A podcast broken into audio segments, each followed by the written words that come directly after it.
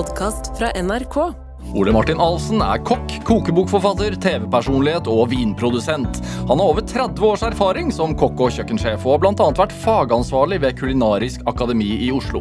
Han har utgitt en rekke kokebøker, produserer sin egen vin, og han var i tolv år ekspertkokk i TV-programmet Firestjerners middag. Dette er Drivkraft med Vegard Larsen i NRK P2. Ole Martin Alfsen, velkommen til Drivkraft. Takk for det. Takk. Hvordan har du det? Jeg har det fint. Jeg er spent. Jeg skal sitte og snakke om meg selv i en time. Det er ikke, Ja. det er ikke hver dag jeg gjør. Du, du, du er vant til ganske sånne korte stikk på altså Nå er Firestjerners middag er jo ikke på lufta lenger, men hvor, hvor lange var de? Ja, De stikkene er jo 30 sekunder. Ja. Ja. Hvordan funka det egentlig?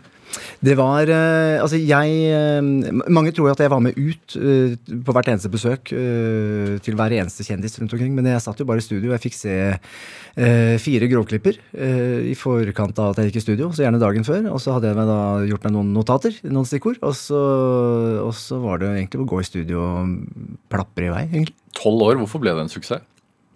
Nei, Det er vel en kombinasjon av uh, folks uh, litt sånn kikkermentalitet som er uh, gøy. så hvordan har folk det hjemme? Og så er det jo et eller annet befriende når man ser kjendiser som man kanskje ser litt opp til, men man ser at de gjør ting de ikke kan. Veldig ofte. Hvem var verst?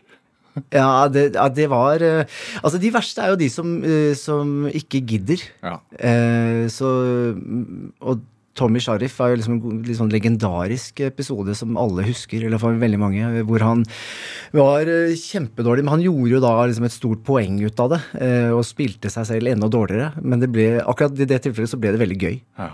Men, eh, men jeg husker jo liksom et par andre som bare liksom går og kjøper ferdig og, og sier at de har laget og sånn, og da, det jeg det er så svikefullt overfor gjestene sine. Nå fikk du likevel et slags innblikk i hvordan det sto til med eh, nordmenns eh, forhold til matlaging. Ja, ja, man gjør jo det. Ja. Eh, eh, og, og, og hvor representativt det er, det vet jeg jo egentlig ikke. Men, eh, men en ting som jeg la merke til, eh, er at musikere stort sett gjorde det veldig bra. Ja, det, det er veldig interessant. Hvor, hvor, hvorfor det?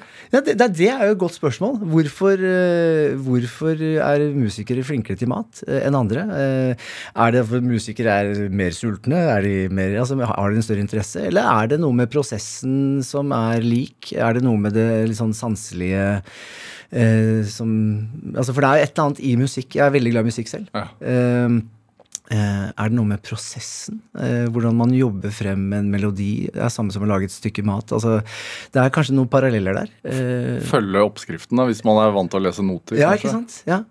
Eh, og samtidig da gå utenfor notearket og skape noe selv også, ikke sant? Det er, eh, som er utrolig tilfredsstillende. Jeg elsker jo det. altså Når du kommer på en sånn ny twist på et eller annet som er sånn liten detalj, men som gjør alt. Når- eller den store forskjellen. Når da? Når, når opplevde du det sist?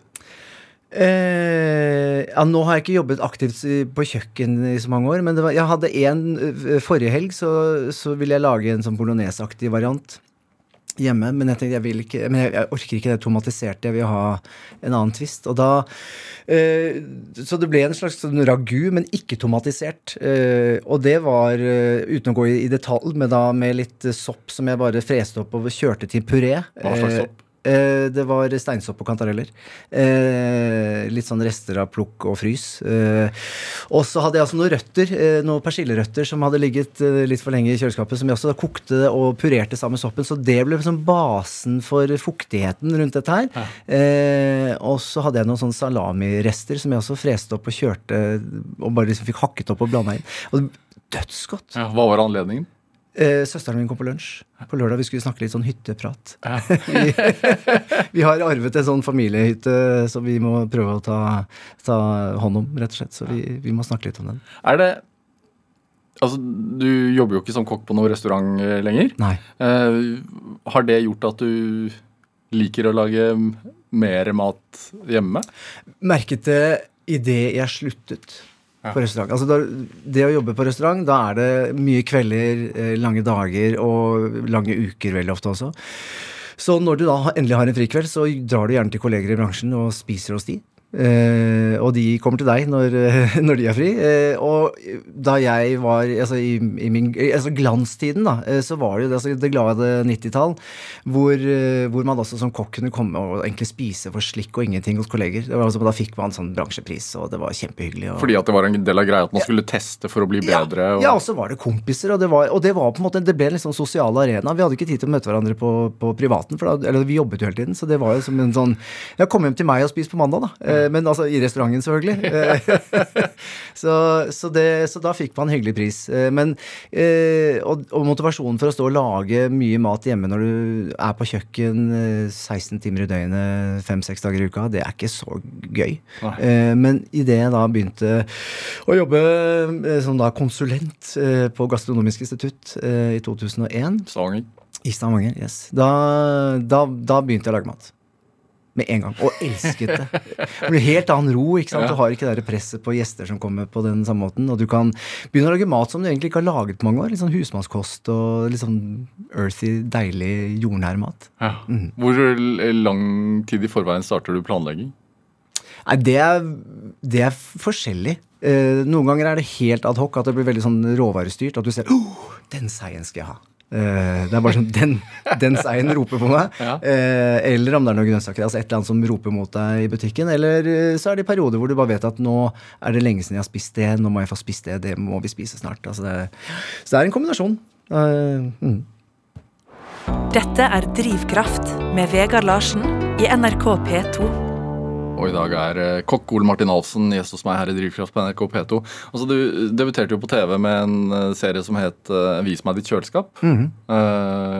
der det også var kikkementalitet. Da du kom, dro hjem til folk, så hva de hadde av greier i kjøleskapet, og så mm. skulle du lage en rett ut av det. Ja. Hvordan er ditt kjøleskap?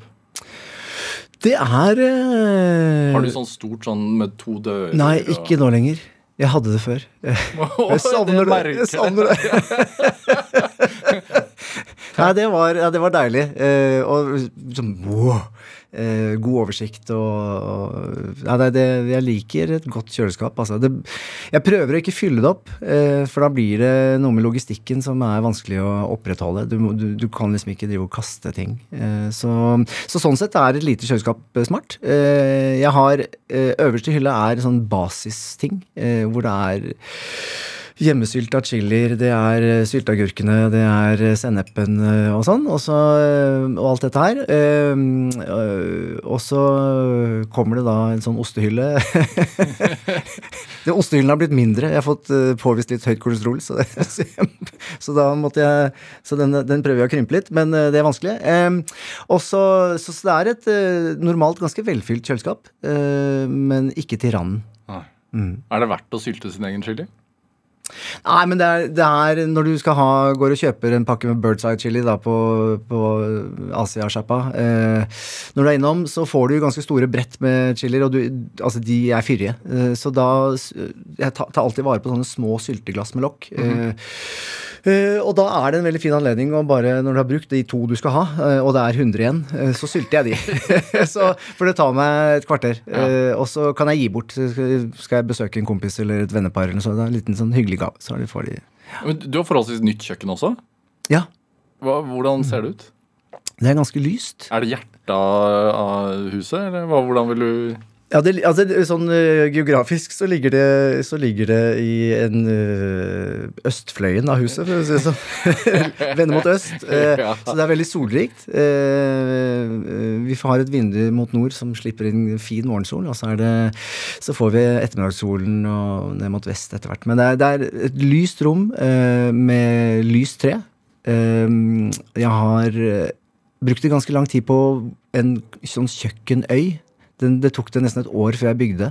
Eh, for jeg, jeg, jeg, jeg, skal ha øy, men jeg må vite nøyaktig hvordan. Og jeg er veldig glad for at jeg ventet, for jeg hadde eh, litt sånn som Jeg, er eh, både tidsoptimist, eh, og jeg er også litt sånn eh, landskapsoptimist eh, i, i, eget hus. At jeg tenker ja, men her er det masse plass. Og så, og så kan jeg sånn, gjerne bre meg ut, og så og nå har jeg da tatt all plassen. Men jeg ventet litt, så jeg har fått en litt mindre øy enn jeg tenkte i utgangspunktet. Men jeg har fått en, en øy hvor man både kan spise, og hvor man kan stå og lage mat, og hvor jeg kan stå og dille, og så kan min kone sitte på en krakk ved siden av, så kan hun få et glass vin, og jeg kan stå og jobbe med et glass vin, så kan vi pludre litt. Ja. Så det er koselig. Ja, det, er like viktig. Altså at kjøkkenet er sosialt. Ja, det er kjempeviktig. Og, er, og jeg har stort eh, spisebord på kjøkkenet. Ja. Det er også viktig. Er det, øh, har du det sånn at du må tenke gjennom, vurdere før du bestemmer deg? Sånn som med denne kjøkkenet. Det kan gjerne ta et år, men da er, det, da er du fornøyd. Ja, det, De gangene jeg venter, så merker jeg at det er lurt. Men det er ikke alltid jeg gjør det. Det er veldig ofte at jeg bare gjør. For jeg kan være litt sånn utålmodig. Ja. Um, Når da? jeg, har, jeg har ikke noe med mat å gjøre, men jeg, det er ganske mange år siden jeg bodde i leilighet eh, på Sankthanshaugen. Da eh, fant jeg en lampe på sånn bruktmarked. Den lampen er, det er noe av det vakreste jeg har sett. Eh, Det var sånn 60-talls eh, spiral av noe slag. Og så tenkte jeg men det er jo genialt, for jeg bodde i en loftsleilighet. Eh, og så tenkte jeg det er, det er jo en bjelke som går ut der! Eh, og der kan jo den henge. Eh, og, den, og, jeg har ønsket meg den lampen så mye at jeg, jeg innbilte meg at jeg hadde en bjelke som gikk ut i rommet. Nei, jeg hadde ikke det. Så det. Men det jeg gjorde da, da, det løste jeg jo ved å gå ut i boden, for jeg hadde bod også på loftet, så jeg sagde av en halv meter bjelke. Eh, fra, fra, fra et sånn endestykke i boden, og så, og så beiset jeg den i samme farge som jeg hadde i stuen, og så, så monterte jeg opp den, og så fikk lampen et sted å henge. Ja. Så, det er, eh, så utålmodigheten fører meg liksom litt ut i sånn tullete situasjoner, men så, så løser jeg det, da. Hvor problemløsningsorientert må man være som kjøkkensjef? Ganske. Ja. Ja. Det er eh, Det er jo ting som skjer hele tiden. Altså, og nettopp fordi det er uh, gjester som du ikke kan kontrollere. De har sine behov og sine ønsker, uh, og de kommer når de ønsker. Eh, så det, det er alltid noe som skjer. Da må man sage ned en bjelke, hvis gjesten vil ha det. de- ja, ja, ja, rett og slett. Det er, om, det er, om det er det som må til, så gjør vi jo det. Ja. Ja, hjemme hos deg, altså Jeg veit du har egne druer. Ja, det vet du. Jøss. Er det du som driver lusker utenfor huset? ja, nei, nei, men det stemmer. Vi, eh, vi har både arvet Du har lagt ut dette her på ja, jeg, sosiale jeg, medier. Jeg, kom- jeg kom på det nå. Det var, eh, men de var fine. De var nydelige små druer. Ja. Vi, ja. Nei, vi har, eh, vi har to faktisk drueplanter. En som vi arvet, eh, som, som allerede var beplantet da vi flyttet inn. Og så, og så fikk vi en, rett før vi flyttet fra gamlebyen, så fikk vi en eh, drueplante i en sånn potte. Og den har vi da plantet ut. Og de druene du så på Instagram, det var eh, fra vår egen. Spiselige? Ja, ja. Hæ. Veldig store steiner, så barna er ikke så glad i det, for det blir liksom mye, mye stein og tykt skall. Men de, altså det er, lukker du øynene, så er det som å spise markjordbær. De er helt idiotisk eh, aromatiske. Hva er, gøy, hva er gøy med å dyrke det? Eh, det, det, det at det vokser frem, og at du klarer å liksom få noe ut av det. Og så det, og så prøver jeg nå ehm, For det er liksom først de siste årene at det har båret frukt. eh, så jeg prøver nå å finne en sånn balansegang i hvor mange klaser jeg kan ha. eh, hvor mange klarer den å modne optimalt, så at det blir gode druer. eh, og samtidig at man får litt flere enn tre klaser. Men er det Og så veit jeg at du, du har svømmebasseng. Er det en del av liksom, Og så bor du på Bøler, da, men er det sånn Du har bygd deg liksom din egen sånn italienske resort der oppe med Eller franske, med druer og Ja. ja, og jeg har jo i tillegg Jeg må jo, legge til det. altså Der hvor de druene er beplantet, det var jo en skråning eh, som var beplantet med hekk. Og det var egentlig bare en sånn smal passasje. Det var en helt sånn ubrukelig del av tomta. Eh, og mye leirmasser. Eh, så jeg brukte den første sommeren på å flytte x antall tryll, tryllebårlass med, med leire og, og jord, som jeg gravde ned. Og, eller gravde bort, og fjerna det og fikk jevna ut. Så jeg har jo da også laget sånne pallekarmer. Og altså, det er jo blitt eh, plantet epletrær, og så det er liksom blitt en kjempefin plass. Ja. Eh, og det Og bygget da en sånn støttemur for at ikke leirmassen skulle fortsette å renne ned. og sånn. Så det har blitt en kjempefin plass. Ja. Så, det, og det, ja, så jeg prøver å bygge en fin plass for, for meg og mine. ja. Hvor viktig er det at man eh, ha, ha, har det som man vil der man bor? Eh, det tror jeg For meg så er det i hvert fall viktig. Uh, og- det er først nå de siste årene at jeg har bodd i hus, så det, så det hadde jeg vel ikke helt sett for meg, egentlig. At jeg skulle gjøre. Uh, det har ikke vært noe sånn stort behov, eh, eller sånn stort ønske, så det var litt tilfeldig at det ble sånn. Men jeg tenker uansett hvor jeg har bodd, om jeg har bodd lite og kummerlig, holdt jeg på å si, og, og smalt og, og sånn, så har jeg alltid villet skape en sånn form for atmosfære som er bra for meg og, og mine. da. Ja. Uh, og jeg tror jeg er ganske sånn homey type. Jeg liker å samle flokken. Ja. Mm. Opptatt av familien. Ja, og det, da Det henger jo litt sammen med det å være Det å lage mat også. Helt parallelt. Ja. Og jeg tror det er litt eh, eh, eh, Jeg tror det er nok veldig medvirkende til at jeg ble kokk. Uh, fordi For meg så er en kokk som en god kokk lager mat med hjertet utapå jakka. Ja. Eh, fordi du er opptatt av at gjestene skal ha det bra. Og det er det jo samme som du, skal, eller samme som du gjør når du inviterer folk hjem. Du vil liksom gi folk et eller annet av deg. Eh, som de kan ta med seg. Eh, og det blir på en måte Jeg, har prøvde å si dette her til flere. Eh, at det er på en, sånn, en, en slags sånn tillits- og kjærlighetserklæring. Eh, kanskje ikke jeg sier det med ord, men jeg, men jeg har laget dette til deg. Ja. Eh, eller til dere, fordi dere betyr så mye for meg. Og det er liksom de samme gjestene, og jeg vil at de skal, jeg vil at de skal huske de måltidene. Og det er jo øh, Jeg tenker november nå. øh, det, det snør i, på Østlandet i dag. Ja, snør sikkert over hele landet. Mm. kanskje ikke på Kanskje ikke på, Sørlandet, jeg vet ikke. Men, men altså, det er jo tid for uh, mat, det hjemlige. øh, gå inn i hi, på et vis. Ja, ja. Uh, du har lagd en kokebok som heter Den sorte gryten. Mm. Eller Sorte gryte. Sorte gryte. Ja. ja. Og det er sånn gryterettid. ja. No november er det, er det ikke det? Veldig. Ja. Veldig. Og så er det jo altså, I forhold til råvarer også, så er det jo en litt sånn en død periode. Eh, ting er tatt opp av jorda, Mm. eh, stort sett. Det er kanskje noen som har jordskokker fremdeles, for de skal gjerne få en frossenhatt. Men Vintergulrøtter. ja, ikke sant? Ja, og ja, Potet. Noen, ja, noen poteter. Men, eh, men man har høstet mye fra, fra jorden, altså mye røtter og den slags type ting, som er så enkelt. Liksom skrelle, kutte grovt Ja. med noen grove kjøttbiter, og så koke, og så blir det verdens beste kraft. Det blir verdens beste duft i huset. Eh, det blir kanskje ikke det mest eh, sexy å se på, men, men allikevel, eh, som jeg sier i den boken også, ikke tenk gryte sånn som da jeg vokste opp, hvor alt skulle være i små biter. Eller gjerne kjøttdeig. Altså, ting, det ble bare sånn lapskaus, eh, en slags grøt, da. Eh, som, som blir litt sånn mystisk, for det første, for barn Ja. eh, å begi seg inn på. For de, de ser ikke hva de forskjellige elementene er. Så lav, en gryte, lav alltid gryte med store biter. For da, da er det som en Du ser at det er en gulrot, og det er en mening med at det er en gulrot. Den, den, liksom, den blir liksom opphøyet. Se, her er jeg. Eh, og hvis du får et kjøttstykke som er en nakkebit av en storfe, da, eh, kutte det opp i bitte små biter for at det skal gå fort å koke gryta. Nei, store, grove biter, så får du liksom ett til to stykker på tallerkenen. Og så er det på en måte en, noe du skjærer igjennom og merker hvordan teksturen har forandret seg og er mør, og du ser det glinser i kjøttet inni. Det er jo sånn helt annen opplevelse å spise. Ja. Det er viktig. Ja, og det er, så jeg gikk jo øh, godt i butikken i helgen, og julematen er kommet allerede. Men det er for, det er for tidlig. Skammelig. Jeg, Kan ikke ha julemat nå. Nei, jeg, nei, jeg syns det er helt forferdelig. Jeg, blir, og jeg ser den samme den marsipanen som dukker opp i oktober. og sånn. Jeg blir altså så trist. Eh, så nei, jeg, jeg vil gjerne vente, ja. Ja. Ja. Hva, hva annet skal man lage i november? Eh, det er veldig mye sjømat. Ja. Nå er det sjømaten på sitt beste, eh, så det er egentlig bare å fråtse. Blåskjellene ble blitt gode, rekene er gode, seien er nydelig. Det vi vi har ikke fått skrei ennå, men torsken begynner også å bli god. Så det er, det er mye godt fra havet. Hvorfor er det bra nå? Eh, havet er kaldt. Eh, bedre konsistens eh, på fisken. De har liksom fått spise godt gjennom sommeren, så nå er de, men nå begynner de da å tære litt på reservene, så det blir litt mer sånn deffa. Så det, og da, da får du mye smak, og du får veldig god konsistens. Og vilt. Selvfølgelig. Veldig mye godt vilt. Ja. Ja. Så, og røtter, ja, som sagt. Og, og sopp er jo fremdeles eh, Nå som snøen kommer, så er det jo slutt. Men eh, Traktekantarell. ja, de tåler litt eh, frost. eh, Så hvis vi får, en, eh, får noen dager nå med litt mildvær igjen, så kommer jo den opp igjen. Hva, hvordan er en hverdag hjemme hos deg? Altså, Du har småbarn. Mm. Er du på den derre øh, Altså Nå begynner han å bli ganske stor, da, men sånn, øh, har du vært på den øh, all barnemat fra bunnen av og sånn?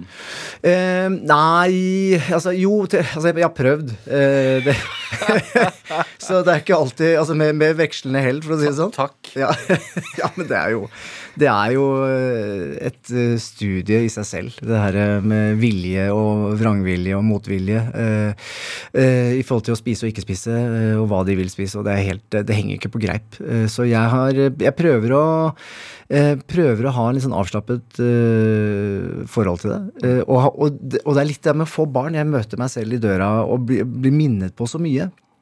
Eh, og det, Jeg er oppvokst i et sånt veldig matglad hjem. Eh, men da vi vokste opp, så var det ikke noen store ressurser. ressurser. også på Bøler, eller? Ja, ja, ja, Ja. faktisk. Ja. Yes. Det er, så jeg har flyttet tilbake eh, til røttene. Men, men eh, dansk mor, da, eh, som var veldig glad i å lage mat, og, og hadde også sine gode tradisjoner, og, og far på sin side også De var altså, glad i mat, men, men, eh, men, men var mye hverdager. Men mors restemiddager var jo alltid de beste. For da var det alltid et eller annet gærent. Altså Litt sånn crazy. Det var sånn, Hva har du gjort her, liksom? Ja, det er kotelettene fra mandagen, og så er det tomatsuppa fra tirsdag. så det- Så hun, eh, og det var alltid gøy. Eh, Ble du, ble du inkludert tidlig på kjøkkenet? Eh, nei, hun ville gjerne lage maten selv. Men jeg begynte å bake tidlig. Eh, så lenge jeg fikk lov til å rydde opp og sånn. Så, så, eller så lenge jeg ryddet opp, så kunne jeg gjøre egentlig hva jeg ville. Ja. Eh, men det skulle jeg tilbake til. Altså, eh, Matglad de satt alltid og liksom Å, så deilig! Snakket veldig varmt om alt det de spiste. Eh, og jeg var ganske skeptisk selv til mat. Altså sånn syns mye Kre, kresen, altså? ja, altså, ja, kan kall meg kresen. Eh, og, og engstelig. Ikke sant? Og, men også jeg hadde Jeg syns ting kunne Hvis ting hadde mye lukt og smakte mye Som, eh, som for eksempel Sild eh, eh, jo, eh, ja, ja, jo, men som barn, ja. jo, jo, men de satt jo der og, og godtet seg, ikke sant? Med alt dette her. Og jeg, men jeg, jeg fikk så kraftige sånne smaksinntrykk av mye av det de spiste, at jeg ventet. Eh, og jeg satt og misunnet de i så mange år. Men det, jeg tror liksom litt av det som var greia som de gjorde som var smart, var at de sa aldri eh, 'nå må du spise opp', eller 'du får ikke eh, dessert hvis ikke du spiser opp'. Det var aldri noe sånt mas. De bare snakket maten opp. Eh, så til slutt så, så havna jeg på kjøret, jeg også. Fordi det ble aldri noe kamper rundt det. Nei. Og det tror jeg er innmari lurt. Så jeg prøver jo å liksom etterleve det med mine òg. Det, det med Altså, du gikk rett på desserten som barn? Nei! Nei, nei, nei. nei. Men jeg var veldig glad i dessert. Det, og det var litt av grunnen til at jeg bakte mye også. Fordi det var eh, eh, kan Har vi noe godt, eller? Nei, vi har ikke noe godteri. Hmm, kan jeg bake noe? Ja, vær så god. Ja. Hvis du rydder opp og ordner, så kan du. Så det var jo sånn en kilde til eh, et eller annet snop. Hva, hva gjorde moren og faren din? Eh, eh, min far var bensinforhandler, som Ja. det sto i telefonkatalogen eh, på den tiden. Så han, han drev bensinstasjoner, altså solgte bensin og sjokolade. Ja. Og hadde smørehall og verksted og sånn. Eh, så han eh, drev da eh, på Skøyen og oppe i Kirkeveien her, eh, og på Holmlia. Så, og mor, var, som da var dansk eh, de møttes i København når han jobbet for sin far der nede. Ehm, så, så dro med seg henne igjen, for lang historie kort. Og så, så hun begynte da å jobbe for ham. Så hun var, førte regnskap og sånn faen. Ja. Har du blitt prega av det danske? Ja. Det På, på hvilken måte? Nei, altså vi, vi var jo i Danmark i ferier og, og ja, spesielt sommerferiene så var det fast rutine. Og det, jeg har et Hvor? veldig godt forhold til min danske familie. Ja, hvor, er, hvor er det i Danmark? Fyn. Fyn? Ja. Ja. Hobby. Et lite veikryss eh, på Fyn, som, eh, som på bondelandet. Ja, hvor, hvor ulik er eh, dansk og norsk mattradisjon? Jeg syns øh, vel at den danske er litt mer skal vi si, kontinental og litt mer elaborert. Altså, de har hatt, altså, mens vi i Norge har hatt mat for å overleve, så har de danske og svenske kongene for å si det sånn, de har liksom fått seg et kjøkken. Ja. Eh, Så de, de har mye av de samme sånn, husmannstradisjonene, men, men de har en sånn forfinethet også, eh, som gjør at de sånn generelt er litt stoltere av alt de har. Eh, så de er også stoltere av sine frikadeller enn det vi eh, har vært av våre kjøttkaker, for å si det sånn. Så, Hva, hva slags mat spiste dere hjemme hos dere som ikke kompisene dine fikk? eh, lun leverpostei. Mm, for eksempel. Hjemmelag? Ja. Ja. Som var, og det var jo et sånn høydepunkt. Eh, og det var en av de tingene jeg syntes var vanskelig. Eh, fordi det sånn kraftig leversmak og sånn. Men, men, men det luktet jo godt. Det var liksom et eller annet, Og det er hele stemningen. Og liksom, man, jeg ville jo så gjerne ta del av det sosiale ikke sant? Med, med å sitte og spise da, den der luneleverposteien som et sånn kveldsmåltid. Eh, men det tok mange år før jeg liksom klarte å begynne å like det. Lager du det selv? Ja. Og da lager jeg store, store porsjoner og fryser inn rå, og så har jeg til søndagsfrokosten og sånn utover. Mors? Nei, jeg har funnet en Eller jo, faktisk. Ja, ja, det er eh, en sånn uh, mors gamle som jeg har justert med, med kylling eller andelever. For da blir den litt mildere. Ja. Fr- Men hvorfor rå?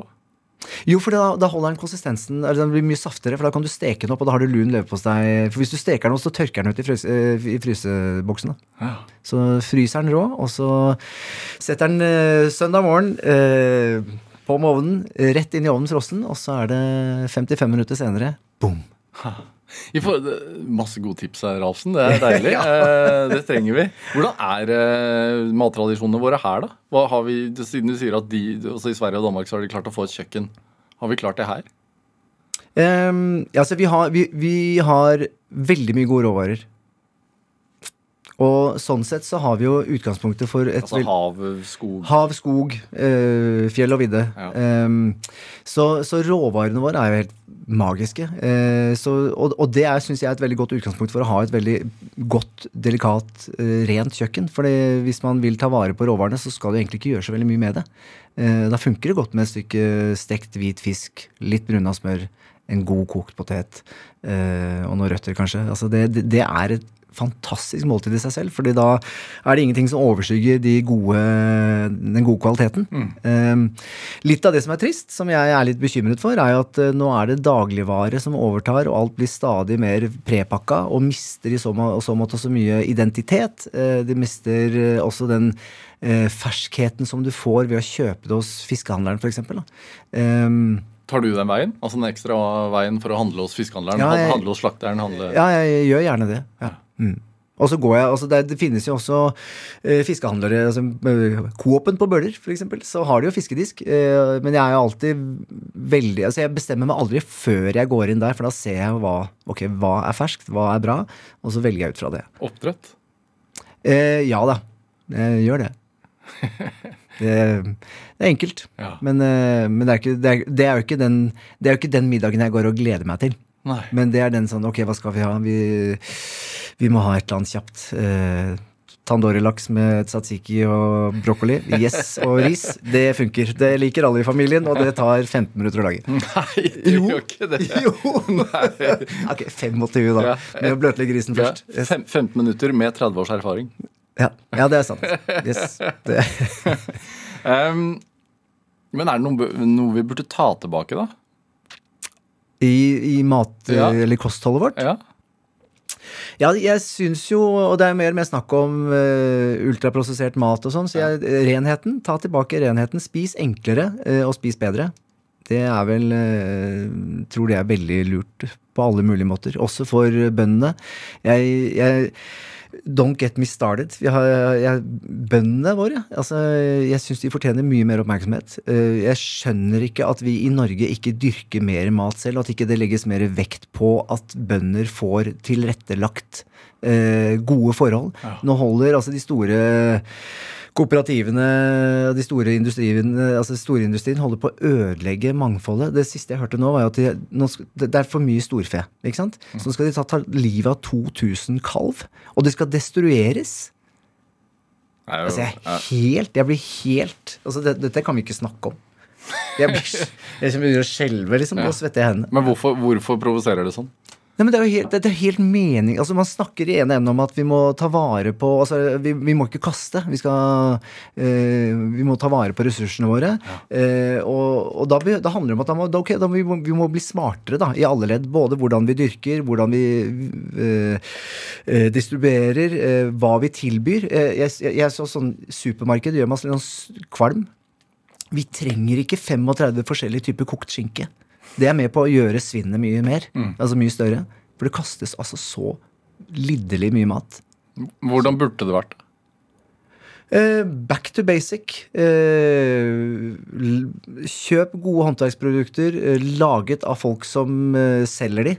Altså jeg handler gjerne hos en sånn liten sånn pølseklubb i Oslo, IOM. Eh, hvor de står og kverner økologisk ris eh, som det er masse smak i, som har levd godt og lenge. Eh, de står og krydrer det. De har kunnskapen både til liksom å foredle det og til å fortelle om hva det er. Altså, det, er det er en opplevelse å handle, det er en opplevelse å spise. Eh, og så er det på en måte en sånn, veldig sånn tydelig lineær eh, fra bonde til bord, som er veldig tilfredsstillende. Hvis man bor på bygda, Ja, da har du jo uh, enda, enda mer nærhet, kanskje. ja, ja. Nei, men da, det, er- klart det er en utfordring hvis uh, Sånn som bygdene som da blir fylt opp av Remaer altså, eller en Joker eller noe. Men, eh, men uh, jeg, hå- man burde fått større anledning til å slakte selv på, på gårder. Og kunne da selge ut fra gården. Ikke sant? Ja, fordi sånn var det jo før. Sånn var det jo før. Men byråkra- byråkratiet har liksom, og liksom va- eh, matvaretryggheten har gjort at liksom, det, det, det, det, er ikke mulig, for det, ikke, det koster for mye. ikke sant? Ja. Hva med tidsklemma, da? Det virker altså sånn Det virker jo som om det å lage mat blir nedprioritert på øh, hverdagslogistikken. Ja, ja. ja men det, og det skjønner jeg jo. Og det er jo, vi har jo hektiske liv, jeg merker det jo selv også. Men jeg tenker at jeg, jeg sier jo ikke og, og jeg har jo kanskje prøvd å leve etter det at vi skal ha sånn middagen hver eneste dag, skal ta oss god tid, eller lage noe ordentlig hver dag. Men jeg tenker at du kan godt ha en middag Altså i dag Vet du hva? I dag, i dag er det ostesmørbrød. Det, det går an, liksom. Ja. Eh, det er ikke sånn at vi må spise gulrøtter og potet og brun saus hver eneste dag. Eh, men jeg tenker eh, Og nettopp ved å gi seg selv det slacket Ok, i dag så er det en liten omelett. Eh, i dag, altså Man gjør det enkelt, men at man når man lager mat, gjør det ordentlig. Og også sånn som jeg gjør. Jeg lager store porsjoner og fryser inn. Når lagde du selv enkel mat til deg selv? Ehm, eh, ja, ja, men det, det har vært borte i helgen, så uh, det, skal vi se. Altså, jeg lagde jo mat på lørdag, uh, men da var jeg, jeg var på jobb i Hamar. Men da lagde jeg, da jeg kom et, var på vinmesse i Hamar, og da kom jeg tilbake til familien min som var med opp, og så var vi opp og besøkte en annen familie, og da lagde jeg mat. Ja. Så det, så jeg, jeg lager jo mat hver dag. Vin til hverdags? Ja. stadig mindre grad, faktisk. Ja. Men gjerne. Veldig, altså jeg, jeg, er veldig, jeg er veldig tilhenger av øh, et glass vin til maten. Um, og så kan det være nok med det. Altså det er ikke at jeg må tømme flaska etterpå, men øh, riktig mat, så er det sånn føler jeg at ok, dette fortjener et glass vin. Selv om det er bare et stykke stekt fisk, liksom, men dette er så god fisk at den fortjener et glass vin. Kontinentalt oppå Bøler der. ja, det har blitt det! Druer, basseng og Ja, vinter. ja, Det er fælt at du tar meg på det bassenget. Jeg ville ikke ha det bassenget. Jeg må, altså, Morsom historie om det bassenget i forhold til drivkraft. Ja. Eh, vi kjøpte dette huset av eh, han som hadde tegnet det. Eh, han var nordlending, og det var sønnen hans som, som ordnet med salget. Og han sa ja, altså det bassenget det er jo ikke helt i orden. Jeg vet, altså, det har aldri vært i orden. Men da fatteren han skulle ha det bassenget. Men tror han kunne svømme, eller? Det kunne han ikke. Han, kunne ikke svømme. Men han, skulle- og grunnen til at han skulle ha det, og det er jo helt fantastisk Han skulle ha et stort vannspeil, for han skulle ha refleksjonen fra, fra solen som da skulle treffe taket inne. 80-tallet, dette her. Det var tidlig 80-tallet. Ja. Men det er veldig fint Ja. når, det treffer, når det treffer. Men, øh, men øh, hadde det vært opp til meg, så hadde ikke vi hatt basseng. Nei, men det har blitt. Det har blitt. Ja. Alsen, vi skal spille litt musikk. Ja. Um, hva er det du har med? Jeg, altså, jeg, Du er glad i musikk, Jeg er veldig glad i musikk, så Ja. det å liksom finne en låt som er eh, meg, det er helt umulig. Så jeg tenkte uh, et eller annet med litt fart, og som er eh, Og som samtidig kanskje beskriver litt huet mitt. Uh, god prog. Uh, Hvorfor er det hodebeskrivende? jo, fordi det er, det er mye som skjer, og det er mange taktskifter. Og det kan være tidvis ganske krevende å henge med. Eh, men samtidig utrolig vakkert og engasjerende. Ja, Vi skal høre litt. Vi har tatt bort litt av starten, fordi den er så Ja, den er- lang i starten. Men uh, dette er da 21st Century Odd Man.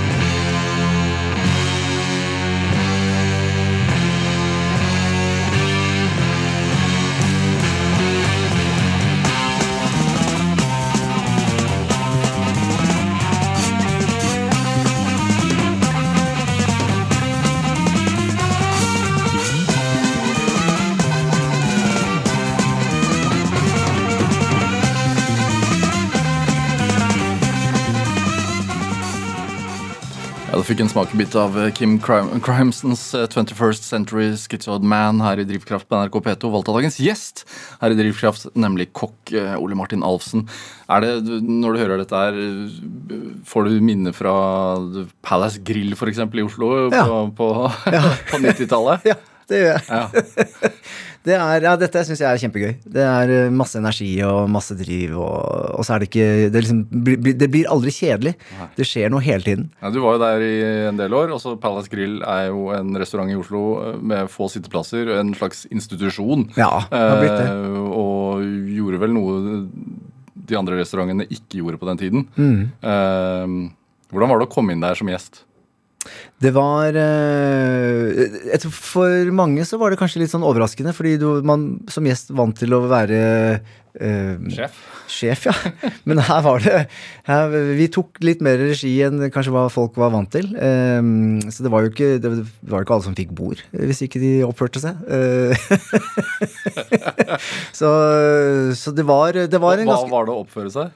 Nei, altså du Det var visse ting vi ikke gjorde, uh, for eksempel. Altså, vi hadde ikke Baileys, uh, for eksempel. Og da, det, hvis du ville ha det, så måtte du gå et annet sted. Uh, de hadde, og, og, og de hadde det i baren, eh, men da ble man forvist i baren etter måltidet ganske fort. Ja. da fikk du ikke ta kaffen og desserten der. Hvorfor eh, fikk det stedet et sånt legendarisk stempel, tror du?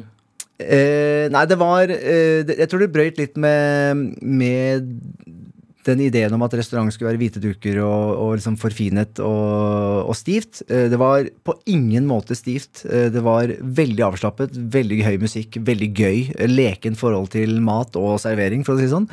Ehm, og så var det jo eh, altså Du kom inn der, Hvis vi ikke hadde noe å snakke om, så var det alltid noe å se på. For veggene var jo fulle av eh, Vi hadde jo sylta masse greier som uh, hang så sto rundt på hyllene i veggen. Blant annet, vi hadde også sylta noen lyspærer, uh, for eksempel, som uh, var en gimmick. Men det var røft og lekent. så vi Og samtidig så var det forankret i et ønske om å lage veldig, veldig god mat. Ja, og Kokker og de som serverte, kunne sette seg ned ved bordet ditt. Og det var Ja, ja. liksom Ja, lavt under taket på et vis. absolutt. Ja. Eh, husker en servitør hun kunne godt sette seg på fanget til folk. Hadde ikke gått i dag, si. Nei, det hadde ikke gått i dag. Så, men, vi, eh, men det var jo Og det fikk jo mye oppmerksomhet i starten også. Det var jo, jeg husker en artikkel eh, i- var i Dagbladet hvor, hvor servitøren hadde Altså gjestene hadde da bestilt eh, to forskjellige forretter og to forskjellige hovedretter, men fikk da samme forrett, og fikk også samme hovedrett. Og så, men på spørsmål på ja, men det er ikke dette vi har bestilt, og servitøren sier at eh, skal dere krangle, eller skal dere spise? Og de hadde spist, og vi fikk jo terningkast fem, liksom, så det var, for det var så innmari godt. Ja. Men det vi gjerne gjorde, da, var at vi, i sånne tilfeller så la vi inn en ekstra rett. Ja. Så at de fikk noe ekstra. Altså, okay, dere det er mye enklere. Det er lite kjøkken. Eh, vi må lage det vi har lyst til. Eh, men eh, Så hvis dere har lyst til å spise det og det, skal dere få en liten sånn ekstra eh, plaster på såret. Så, så, vi, så vi ville ikke vondt vel. Og ikke, jeg opplevde oss ikke som hovne, men, men vi hadde eh, Vi hadde ekstremt lite kjøkken. Og var brennende opptatt av å vise det vi hadde ja. den dagen. Sånn opplæringsambisjon, e- egentlig. Ja. Ja. Er- hva var det sterkeste minnet derfra? Eh, Å gud, det er så mange.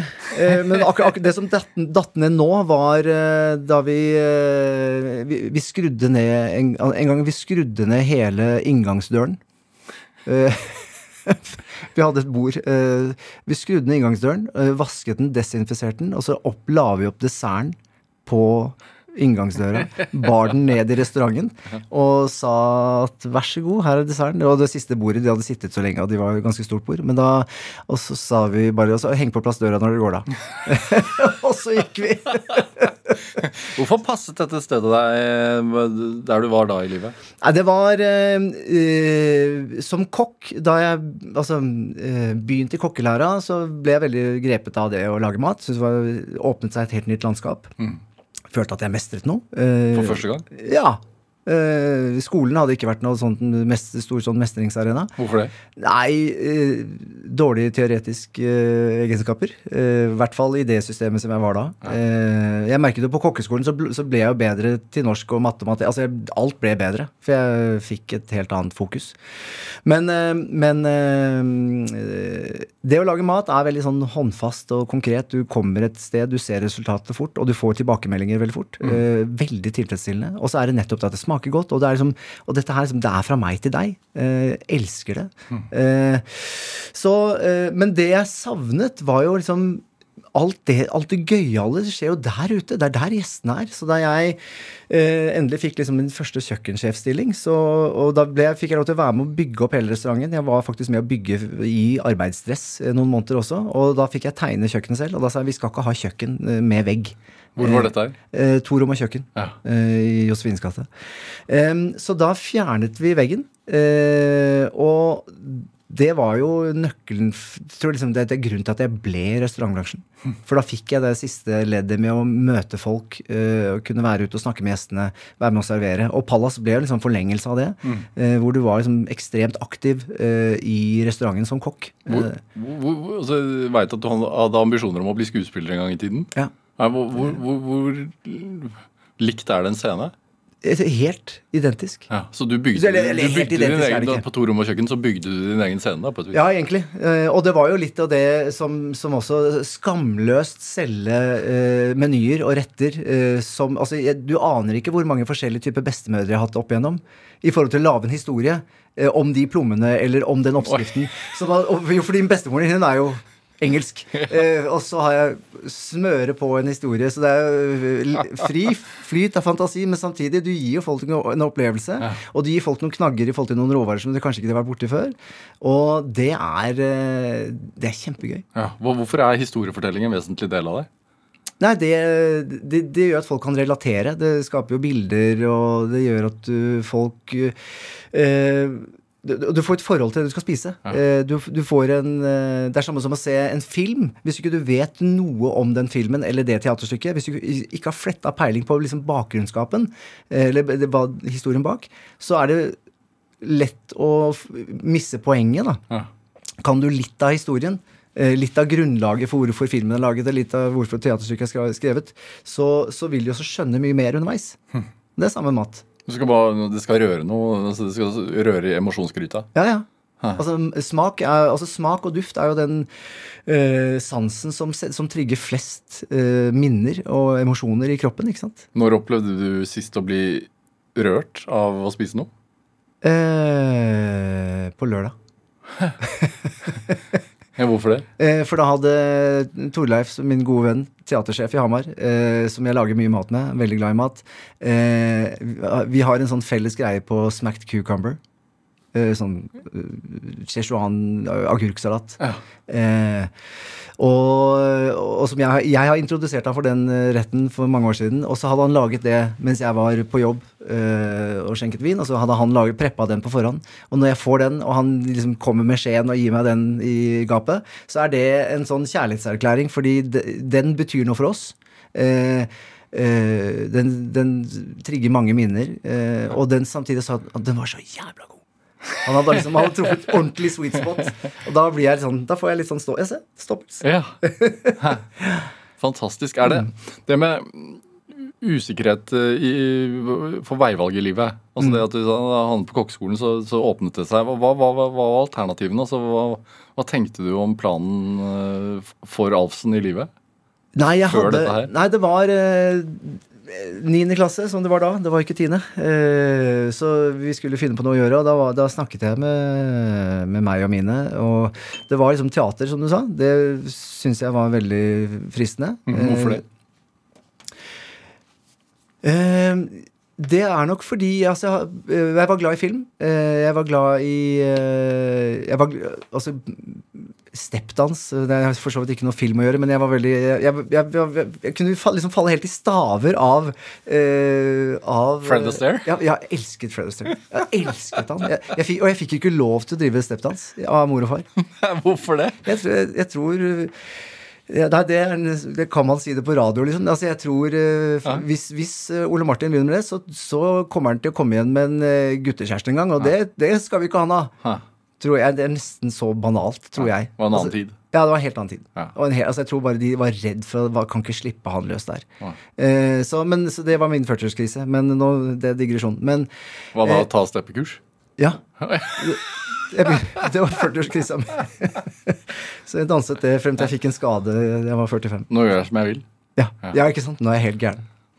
Nei, men, eh, men eh, hvorfor teater altså, Jeg har vært, tror jeg vært Man blir veldig sånn fjetret av eh, sterke karakterer og skuespill som er engasjerende. Eh, det gjør noe altså det, det, var, det rørte meg. Altså det, og derfor tenker jeg at dette er interessant. Eh, jeg vet ikke om jeg hadde vært noen god skuespiller, men det, hvert fall, det, visste jeg var interessant. Eh, eh, og så var det dette med mat. Og det var Jeg hadde jo laget en del mat hjemme, eh, spesielt mye, altså bakt mye, men så var det på 80-tallet så kom det en del sånne eh, artikler i A-magasinet eh, om liksom det nye norske kjøkkenet. Og jeg så eh, Det var liksom Det blå kjøkken med Roar Dege, og det var Hellstrøm og, og diverse. Og så så jeg at dette her er jo Dette er jo ikke dette er jo kunst. Eh, Men kokken fikk en annen eh, posisjon. ja, ja, men også med det de lagde også. Det var helt sånn, det, det er jo ikke bare noe du skal ha på tallerkenen og spise. Dette er liksom, Det, det ser, ser så vakkert der, og det er eh, ting jeg hadde aldri hadde hørt om. eh, Verden utenifra. ja, ja.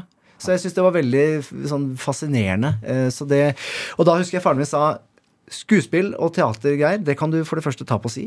Det kan du drive med på si, og så kan du alltid falle tilbake på det. Hvis du har et eller annet håndverk i bånn, så er du alltid liksom, trygg.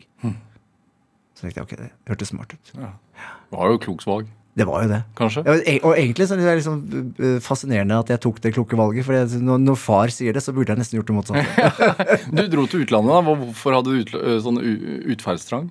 Nei, det var eh, jeg, jeg hadde veldig behov for å komme ut hjemmefra. Altså, jeg, jeg følte at jeg var ferdig der hjemme. eh, med mine. eh, og ikke det sånn ondt blod, men jeg tror jeg bare hadde veldig behov for å være meg selv og bestemme selv og ja, leve mitt liv. Mm. og så var det nok litt sånn miljøforandring i forhold til kompiser som eh, som jeg ikke Altså I og med at jeg hadde begynt å jobbe, altså først kokkelinja, så rett inn i jobb Jeg begynte også å jobbe i helgene mens jeg gikk på kokkeskolen. Så, så, så fikk jeg sånn plutselig sånn en del av voksenlivet som gjorde at fylla og hasjis og alt dette her var, liksom, var ikke så gøy. Det var ikke så interessant. Eh, så jeg, jeg hadde egentlig sånn veldig behov for eh, sånn miljøskifte. Ja. Hva var interessant, da?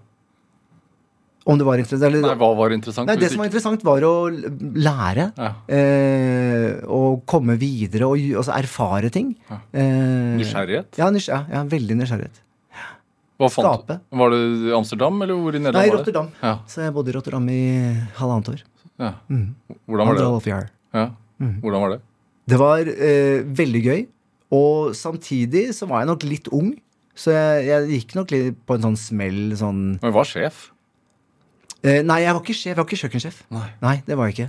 Eh, jeg var, eh, det var et norskeid hotell eh, hvor, som hadde mye norske kunder, altså norske kundegrupper, sånn innenfor shipping spesielt. Så de hadde et ønske om å alltid ha en norsk kokk på jobb. Eh, eh, som kunne være med på å sette liksom norsk preg, og at det var alltid norsk på huset. Eh, så da tenkte jeg en fin, fin måte å Og så blir det ikke det derre Det å dra til Frankrike og bli piska rundt på sånn trestjernekjøkken, det var jeg ikke så hypp på. Det- Hvorfor, hvorfor det? Det var jo det du hadde lest om i A-magasinet? Ja, ja, ikke sant? Men da hadde jeg også uh, både fått opplevd uh, nettopp det å bli piska rundt, uh, og, og lærdommen av det, men også å jobbe under en kjøkkensjef som ikke var så piskete, men som bare var genuint opptatt av mat. Eh, og jeg følte at jeg lærte mye mer av det. Hvordan har du selv vært som kjøkkensjef? Eh, jeg har nok vært tidvis en kuk. Unnskyld språket. Eh, og til alle dere som jeg ikke var Som ikke jeg så så godt, og, og som jeg ikke hadde tid til å skjønne Jeg burde tatt annerledes. Unnskyld. Men eh, det var liksom aldri av vond vilje. Jeg tror det handler mye om du blir, I den bransjen blir du kasta ut ganske ung. Eh, Du får tidlig ansvar. eh, Og egentlig uten å ha noe eh, ledererfaring, så skal du plutselig lede andre. Og så er det da i et sånt kjøkkenmiljø hvor du har full restaurant, det er 80 stykker som sitter og venter på mat, og du har liksom ikke tid til å forklare sånn Ja, nå skjønner jeg at du syns det er vanskelig. Mm, da skal vi gjøre med det. Eh, Så, eh, så da blir det veldig sånn kommando-type preget dialog man har. Eh, Og hvis det da er en som går i frø, så har du har ikke tid. Altså du står det, det koker, og så er det en som skal bare hakke persille. Og fordi vedkommende i utgangspunktet kanskje da øh, var stressa, så har de bare stått og hakket persille til du- bare grøt på, på fjøla. Ja. Tidspress også? Ja, ja. Ja. Og det er sånn det, Dette kan jeg ikke bruke. Ja. Vil du, hvordan ville du vært i dag, da? Eh, jeg ble roligere, faktisk. Eh, Selv eh, aktiv, og jeg tror nok jeg ville vært roligere i dag. Hvorfor tok du steget bort fra restaurant? Nei, det var eh, eh, Jeg ble tidlig opptatt av vin. Eh, fikk noen sånne mat- og vinopplevelser eh, i kombinasjon som var helt sånn skjellsettende. Jeg tenkte wow, eh, skal jeg være god kokk, så må jeg kunne mer om vin nå, for det har så mye å si for måltidet. Nå kan vi jo mye om vin i Norge, ish, men den gang så kunne vi kanskje ikke det. Nei, det var sånn Folk visste hva Sancerre og Chablis var. Ja. Det, og det var det, liksom. Eh, men eh, Nei, så jeg, så jeg måtte lære mer om det. Så jeg begynte å lese en del. Så var det da en vinkelnerutdannelse som var i Stavanger. Eh, jeg hadde ikke tid til å dra til Stavanger, følte jeg. Men da den flyttet til Oslo, eh, ble gjennomført eh, i Oslo første gang, så søkte jeg, men da var jeg for seint ute, så jeg fikk ikke plass. Men år to, boom, da var jeg inne. Og det var år 2000. Da jobba jeg på Pallas. Og da jeg fullførte den, eh, da hadde jeg allerede lest ganske mye, reist veldig mye, besøkt vinregioner, spesielt i Piemonte, og var godt rustet for det studiet og gikk ut som beste elev. Og da ble jeg umiddelbart bare sugd inn på Gastronomisk institutt, hvor jeg hadde tatt utdannelsen, og begynte å jobbe der. Ja. Og, og det var Som drev opplæring og ja, så, jeg, så jeg, da begynte jeg å undervise på den samme vinkelutdannelsen og begynte å ta andre eller undervise andre vinkurs vi hadde også. Eh, og bygde opp også etter hvert eh, hele mat- og vinkompetansen internt i Vinmonopolet. På den kompetansestigen de har. Eh, så jeg har jo siden 2000 jobbet mer med mat og vin spesielt, da, men også vin, eh, enn med mat. Ja. Eh, og det er det mange som ikke vet, for de kjenner meg fra den stolen. Ja, det er jo litt sånn Oma, som vinen din heter, er jo også har den eh, etiketten hvor det står Oma, men man tenker ikke automatisk at det er din vin. Nei, og det, det er veldig mange som ikke vet at det er min vin. Og det var jo grunnen Altså, jeg fikk jo noen spørsmål om For jeg hadde jo vært litt på TV og diverse, ikke sant. Så da var det, og det var da tidlig altså Nå var det 2009-2010, så var det mye sånne kjendisviner rundt omkring. Eh, og så fikk jeg spørsmål Skal ikke du få sin egen kjendisvin, da? ja, fikk jeg noen uh, importører som sa Da sa jeg til de at uh, det kan du ta rennafart og drite i. Uh, for jeg kan ikke, det kan jeg ikke gjøre. Jeg kan ikke sette navnet ut på en, en annen vin som du vil selge, liksom. Det går ikke. Hva gjør man da? Nei, også, men så begynte jeg å tenke på det. Altså, men nå, etter å ha da undervist såpass mye, reist veldig mye, hatt med elever til forskjellige vinregioner, så var det nettopp hva kan jeg gjøre videre for å lære mer selv? Og det var nettopp ok, hvis jeg tar kontakt med vinprodusenter som jeg liker, og som jeg vet driver smart og er flinke, så, og, og- med en pitch på at hos deg så kunne jeg godt tenke meg å lage en vin på den og den druen, uh, i sånn og sånn stil, uh, lagre det og det, og så må jeg få blendet det selv. Kan du gjøre det for meg? Altså, kan, eller kan vi, kan vi finne ut dette sammen, liksom? Og det var starten. Ja. Så hvor hands on er du? Eh, så hands on som mulig. Ja. Ja. Så jeg definerer gjerne uh, Altså, jeg tar kontakt med folk som, som har et utgangspunkt eller en stil som jeg liker veldig godt. uh, hvor jeg ser at Hva er det? Nei, Det er rene, friske, delikate smaker. Ikke nødvendigvis så veldig kompakt og, og, og rikt, men mer sånn transparent og elegant. Ja. Alltid, Hvis du smaker alle vinene mine, så tror jeg én ting som går igjen, det er som syre. Hm. Og det er også litt kokken. Eh, en kokk er alltid opptatt av syre gjennom måltidet, så det må være god syrefriskhet. For det skal være mye smør, si, så da må det Ja, jeg, men det bruker jeg mindre og mindre av, eh, faktisk. Det er kolesterolet. ja. Jo, men altså, syre setter i gang spyttproduksjonen og renser munnhulen veldig godt. eh, Så den, den er veldig god å bruke til måltid, altså i måltidssammenheng. Ja. Um, så, og, og god syre også i mat og vin gjør at du ikke føler deg så proppa etterpå også. Så, Men hvor ofte er du i Italia, da? Ehm, ja, nå er det jo ganske mange andre land også. Ja. Ehm, nå er det jo Sør-Afrika, California og Portugal og Hellas og øh, Østerrike og sånn, så, så jeg reiser jo en del. eh, med stadig vondere smak i munnen. Men jeg prøver å være så effektiv som mulig. Eh, og når jeg har laget en vin flere ganger, eh, og vi er godt i gang, så, kan jeg også, så får jeg så tilsendt prøver til Oslo.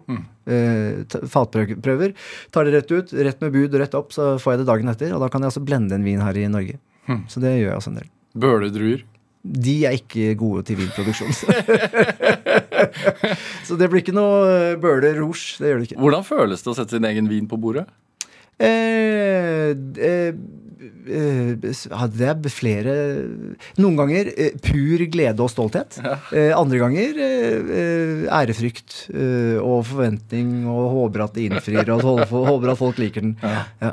Er det fremdeles den der følelsen du hadde på kjøkkenet hjemme hos deg da du var barn og hørte den derre mm, det- er det den som er fremdeles en slags drivkraft? ja, det er en god trigger. Ja. Ja.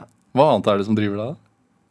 Jeg er nok øh, jeg, jeg er kombinasjonen av liksom nysgjerrighet og, og skapertrang. Altså få ting til. Eh, eh, det Ja. Jeg, det, det, det, det, er det som driver meg, tror jeg, i veldig stor grad. Og alt hva du har fått til, eh, Ole Martin Halsen. Tusen takk for at du kom til Drivkraft. Er vi ferdig? Ja, sånn, sånn går det. vet du. En time går går fort unna. Veldig hyggelig å Ja, få hva skal du spise i dag, da? Eh, det vet jeg ikke, men jeg har veldig lyst på fisk. Eh, og eh, jeg har, en, misjonen min er å prøve å finne noe god sei. Pannestekt. Eh, kanskje det. Ole Martin Halsen, tusen takk for at du kom til Drivkraft. Takk for meg. Hør eh, flere samtaler i Drivkraft på nrk.no eller i appen NRK Radio. Send oss ris eller ros, og også tips til mennesker som du mener har drivkraft. Send en e-posten til drivkraftkrøllalfa.nrk.no. Vi hører veldig gjerne fra deg. Produsent i dag det var Kjartan Aarsand, mens Olav Tessem Widsvang gjorde research til eh, denne sendingen. Men dette, dette var Drivkraft. Jeg heter Vega Larsen. Vi høres. Du har hørt en podkast fra NRK. Hør alle episodene kun i appen NRK Radio. En podkast fra NRK. Har du også sett TV-serien Makta og sitter jeg med noen spørsmål? Det har i hvert fall jeg. Jeg heter Torkil Risan og lager podkasten Seriesnakk. Her får jeg serieskaperne og skuespillerne i serien til å ta det med bak i kulissene, men også dem som faktisk var der da det skjedde, til å fortelle sine historier. Og lurer du på noen ting, så kan du stille spørsmål til de involverte i appen NRK Radio. Hør Seriesnakk i appen NRK Radio.